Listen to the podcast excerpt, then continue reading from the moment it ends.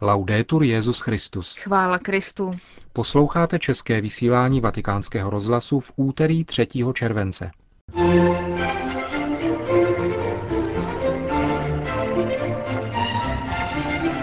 Vatikán zveřejnil svou účetní bilanci za rok 2006. Rozhovor s novým prefektem Kongregace pro východní církve Monsignorem Sandrim.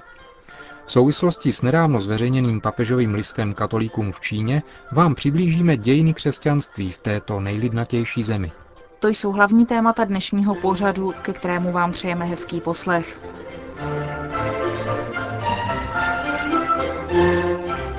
Zprávy vatikánského rozhlasu. Vatikán. Svatý stolec zveřejnil prohlášení ze včerejšího zasedání Rady kardinálů pro organizační a ekonomické záležitosti. Setkání vedl kardinál státní sekretář Tarcisio Bertone. Kardinálové jednali o finanční bilanci svatého stolce a vatikánského státu za rok 2006 a o výsledcích sbírky zvané svatopetrský haléř, která přichází do Vatikánu z celého světa. Ze zprávy kardinála Sergia Sebastiányho vyplývá, že finanční situace svatého stolce za uplynulý rok skončila přebytkem téměř 2,5 milionů euro při příjmech ve výši necelých 228 milionů a výdajích překračujících 226 milionů euro. Většina výdajů v minulém roce byla investována do činnosti centrálních institucí svatého stolce a jeho diplomatické reprezentace v zahraničí. Římská kurie zaměstnává celkem 2704 lidí, z toho 1600 laiků. Druhá finanční zpráva představená kardinálem Sebastiánem, který stojí v čele prefektury pro ekonomické záležitosti svatého stolce, se týkala bilance vatikánského státu. Také ten skončil v minulém roce v plusu s přebytkem téměř 22 milionů euro. Díky tomu bylo možné podpořit finančně projekty na opravu památek ve vlastnictví svatého stolce. Vatikánský stát má celkem 1693 zaměstnanců. Na zasedání Rady pro organizační a ekonomické záležitosti svatého stolce se kardinálové zabývali také tématem vatikánských médií. S ohledem na jejich informační a pastorační význam bylo konstatováno, že rozhlas, televizní centrum, Loservatore Romano, tiskové a internetové středisko vyžadují značné investice a neustálý technický rozvoj. Pokud jde o svatopetrský haléř, tedy fond určený na charitativní činnost svatého otce, pochází z několika zdrojů. Jedna z peněžní sbírky, kterou každoročně organizují všechny místní církve, pravidla na svátech apoštolů Petra a Pavla. A dále ho doplňují sumy předané instituty zasvěceného života, nadacemi a individuálními dárci. V roce 2006 tento fond dosáhl téměř 102 milionů amerických dolarů. Příjmy získané z místních církví na základě předpisů kanonického práva v loňském roce přesáhly 24 milionů euro. Jak upřesňuje prohlášení, tyto peníze nepocházejí z církevní daně, jaká existuje například v Německu nebo v Itálii. Vatikán. Nedávno jmenovaný prefekt Kongregace pro východní církve Monsignor Leonardo Sandri, který se dnes ujímal svého úřadu, inicioval v budově Vatikánské kongregace konání symbolické ceremonie, která se konala ve zdejší kapli Matky Boží a během níž byla zapálena lampa na znamení solidarity s církvemi a obyvateli zemí Středního východu. Přítomní byli velvyslanci a diplomaté z různých zemí Středního východu a Evropy. O smyslu této lampy, která má zůstat zapálena, dokud v zemích Středního východu nepřestanou konflikty a nedorozumění, hovoří pro vatikánský rozhlas Monsignor Sandri che sia il segno della nostra vigilanza, della nostra attenzione, ma soprattutto... Kéž je znamením bdění naší pozornosti, ale zejména naší modlitby, protože to je to, co můžeme dělat. Modlit se, mluvit naší modlitbou, vyjádřit naši bezmocnost, naši nemožnost něco udělat a žádat Boha, aby za těchto okolností On sám jednal a přinesl pokoj. Myslím, že musíme přinejmenším probudit vnímavost nejen naší kongregace a těch, kteří patří k východním církvím a pracují zde pro ně, ale i všech, kteří s námi tuto touhu po pokoji sdílí. Rád bych tedy, aby tato lampa symbolizovala naši plnou vnímavost k utrpení našich východních bratří, soužených válkou, rozdělením a atentáty. Jaké priority před sebou vidíte jako prefekt Kongregace pro východní církve? Je to zejména otázka společenství, bratrství se všemi, jak s církvemi středního východu, ale také z východní Evropy. Kongregace je všem na blízku a prostředky, které máme, se snažíme pomáhat z hlediska pastoračního i ekonomického spolu se všemi těmi, kteří pomáhají nám, abychom mohli pomáhat. Chci se snažit především o to, aby naši západní bratři poznali všechny poklady východu, dovedli je ocenit a využít světla, které z nich vychází, k řešení svých vlastních problémů. S jakou výzvou byste se obrátil ke všem křesťanům, pokud jde o zvýšení jejich vnímavosti pro potřeby východních církví? Pomyslete na Ježíše. Pomyslete na něho, který se narodil v oněch krajích, na to, že naši bratři z východních církví jsou dědici těch, kteří byli nejbližšími Ježíšovými učedníky a přáteli. Konejte konkrétní skutky pomoci a blíženské lásky pro východní církve. Říká nový prefekt Kongregace pro východní církve Monsignor Leonardo Sandri. Ženeva. Křesťané dnes stojí před novou epochou mučednictví. V Ženevě o tom mluvil stálý pozorovatel svatého stolce při tamních úřadech Organizace spojených národů arcibiskup Silvano Tomázy. Vatikánský diplomat vystoupil na zasedání výboru Vysokého komisariátu pro uprchlíky. Upozornil na problém uprchlíků na Blízkém východě a na stále tragičtější etnické a náboženské čistky. Vatikánský pozorovatel připomněl, že počet uprchlíků a lidí nucených kočovat na území vlastních zemí znovu stoupá. Na celém světě už výrazně překročil 32 milionů. Eichstätt. Bývalý protestantský pastor přijal 30. června kněžské svěcení v německém Eichstadtu. Otec tří dětí Hans Tillmann Golde působil do roku 2003 jako evangelický farář v Sasku.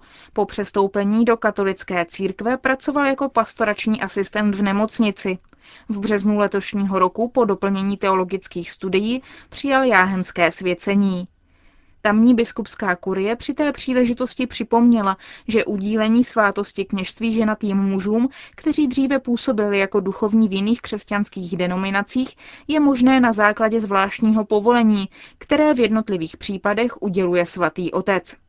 Podobné slavnosti proběhly v květnu letošního roku v Paderbornu, kde přijal svěcení bývalý pastor Gerhard Stille, a před několika dny ve Vídni. V rakouské metropoli se stal katolickým knězem bývalý evangelický duchovní Gerhard Herbert. Peking. Nedávno zveřejněný list Benedikta XVI. katolíkům v Čínské lidové republice vzbudil velký zájem. Byl publikován také na internetových stránkách různých čínských katolických institucí. Čínská vláda, která v zemi cenzuruje také internet, je však donutila papežův list stáhnout z oběhu. Agenturu Asia News na to upozornili mnozí čínští kněží a věřící. Z téhož důvodu je na internetu stále blokován přístup na oficiální stránku svatého stolce. Agentura také uvádí názor jednoho z nejmenovaných kněží, že tento zákaz jen potvrzuje to, co papež píše o zasahování vlády do náboženských záležitostí. Je to také v rozporu s tvrzením místo předsedy provládního vlasteneckého združení čínských katolíků Liu Bainiana, který prohlásil, že papežův list nebude distribuován věřícím, protože je snadno dostupný na internetu. Papežův list se však i přes tento druh cenzury jinými způsoby šíří dál a kromě toho internetovou blokádu umějí mnozí šikovní uživatelé počítačů také obcházet, píše agentura Asia News. Konec zpráv.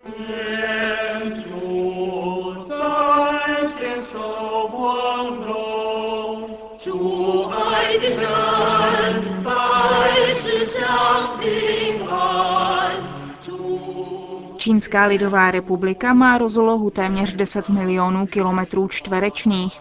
Právně se člení na 23 provincií, 5 autonomních oblastí a 4 magistráty. Od roku 1945 je Čínská lidová republika členem OSN.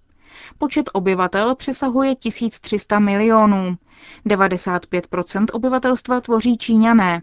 Roční přirozený přírůstek je 0,57% Průměrná délka života se pohybuje kolem 70 let.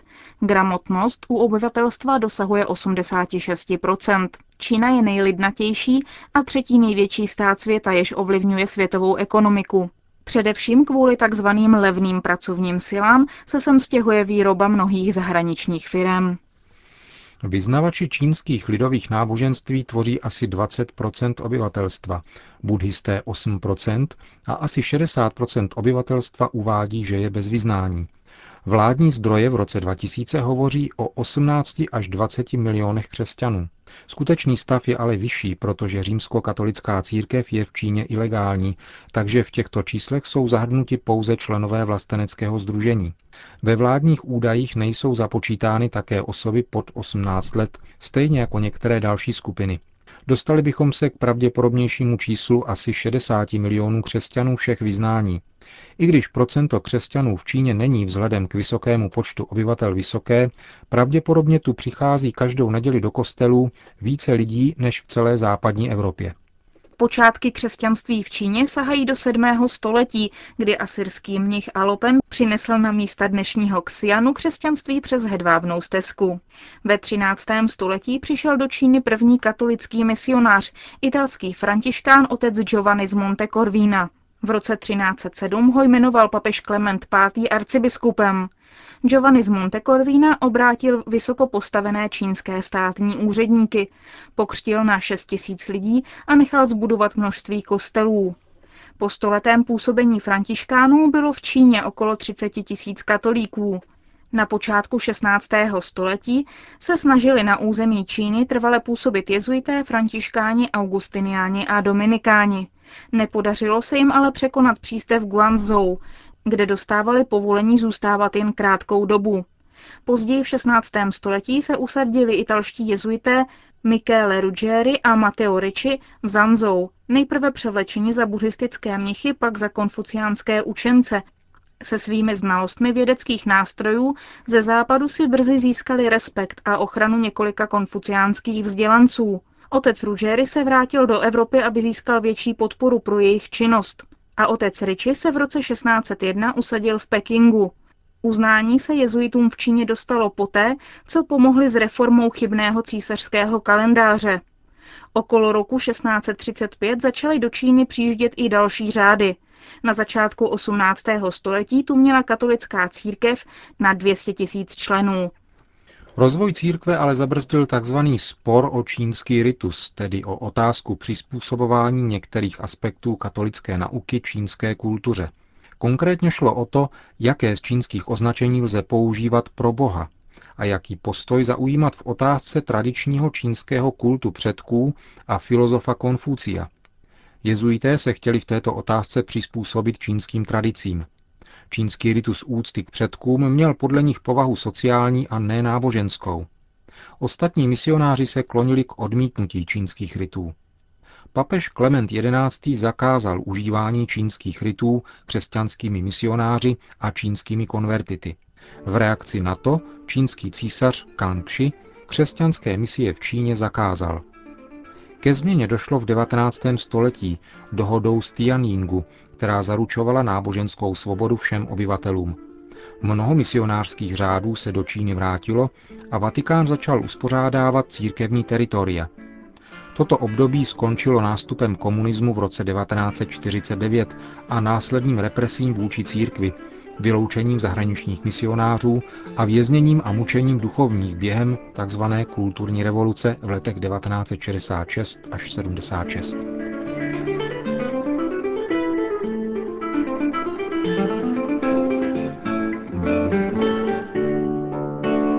V některém z našich dalších pořadů se zaměříme na vztahy mezi Vatikánem a Čínou.